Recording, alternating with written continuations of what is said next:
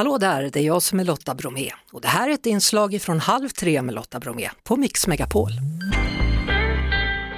Thomas Hermansson, välkommen hit. Tack så mycket. Utbildningsansvarig på Svenska rådet för hjärt och lungräddning. Hur avgörande är varje minut eller sekund när man förstår att någon har problem med hjärtat? Ja, det är ju direkt avgörande.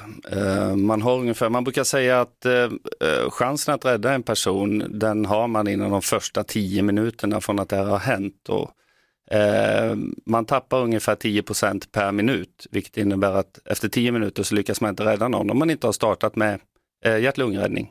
Men tio minuter är ju ändå en, en, en viss tid. Så man behöver ju inte ge upp bara för att någon har rasat ihop då? Nej, det ska man givetvis inte göra. Eh, utan eh, man ska givetvis starta HLR, framförallt hämta en hjärtstartare om man har möjlighet, mm. självklart. Va, vad brukar vara den vanligaste anledningen till att man får eh, hjärtstopp? Eh, hos vuxna är det hjärtsjukdom. Alltså eh, hjärtinfarkt eller det man kallar för eh, hjärt-kärlsjukdom. Det är det vanligaste. Och vad är det första man ska göra för att försöka hjälpa till? Det första man måste göra är att konstatera om personen har ett hjärtstopp. Och det gör man helt enkelt genom att kontrollera medvetande om personen är vaken. Det gör man genom att skrika lite på dem, skaka lite lätt på axlarna och sen kontrollerar man om de andas eller andas normalt. Och andas de inte eller andas onormalt, då har personen ett hjärtstopp. Och då ska man larma 112 och börja med hjärt-lungräddning samtidigt. Ta oss igenom en, en hjärt-lungräddning. Hur går jag tillväga? Ja, först av allt så konstaterar du då som jag sa där med att kontrollera medvetande och andning. Sen ska man alltid larma 112. Uh, är man ensam så börjar man med hjärt-lungräddning direkt efter det. Och då gör man bröstkompressioner. Och det innebär att man trycker ner bröstkorgen ungefär 4 eller 5 till 6 centimeter uh, och man håller handen ungefär mitt på personens bröstkorg. Och det mm. gör man med en takt på 100 per minut. Och det är ungefär som låten Staying Alive, kan man ha i huvudet om man vill. Och har man inte gått en HLR-utbildning så är, det, så är det bäst egentligen att börja att bara göra bröstkompressioner. Och det är den instruktionen man också kommer få från 112, från larmcentralen. Mm. Har man gått en HLR-utbildning så fortsätter man sen att varva 30 bröstkompressioner med två inblåsningar. Är det olika räddning vad gäller barn jämfört med vuxna? Ja, det är lite skillnad och det beror egentligen på eh, skälet till hjärtstoppet. Som, som jag sa hos vuxna så är det vanligaste med eh, hjärtsjukdom och barn är väldigt ofta andra orsaker och ofta syrebrist, alltså att man har problem att andas eller man har satt någonting i halsen. Så hos barn börjar man alltid med fem inblåsningar först. Och har man gått en hjärt-lungräddningsutbildning för barn så gör man 15 kompressioner och två inblåsningar medan man hos vuxna gör 30 kompressioner och två inblåsningar. Mm. Eh, vi hörde ju André, eller Thomas Ravelli här då som pratade om, om hjärtstartaren som han hade fått när han gick sin utbildning. Då. Är, är både hjärt och lungräddning och hjärtstartare lika viktigt? Ja det är det.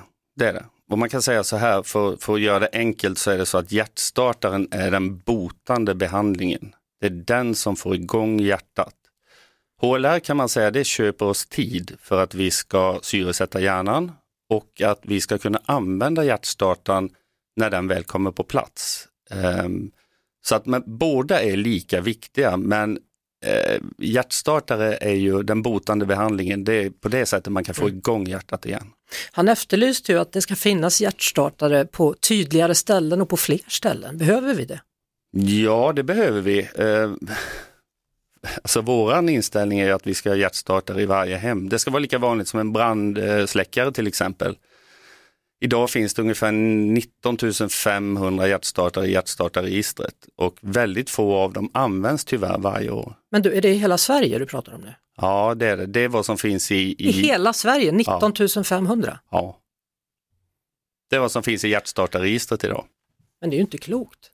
Nej, det borde ju vara lite fler. Det borde väl vara som livboja då vid en badplats eller? Ja det kan man tycka då, men det är väl kanske också så att en livboj kostar 500 spänn, en hjärtstartare kostar 15 000 och, och eh, men eh, vi tycker att det ska finnas överallt. Mm. Hur många liv räddas då med hjälp av hjärt-lungräddning som utförs på plats varje år? 2020 var det 598 personer som räddades till livet och då var det av eh, knappt 6 000 hjärtstopp utanför sjukhus, så det är ungefär 11 procent. mellan 10 till 12 procent eh, är det som räddas. Mm.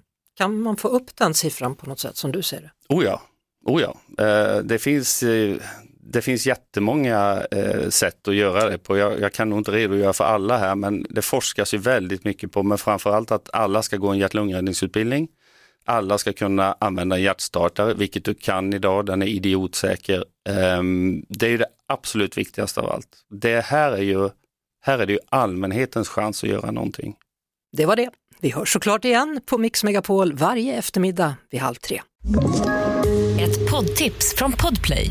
I fallen jag aldrig glömmer djupdyker Hasse Aro i arbetet bakom några av Sveriges mest uppseendeväckande brottsutredningar går vi in med hemlig telefonavlyssning och, och då upplever vi att vi får en total förändring av hans beteende. Vad är det som händer nu? Vem är det som läcker?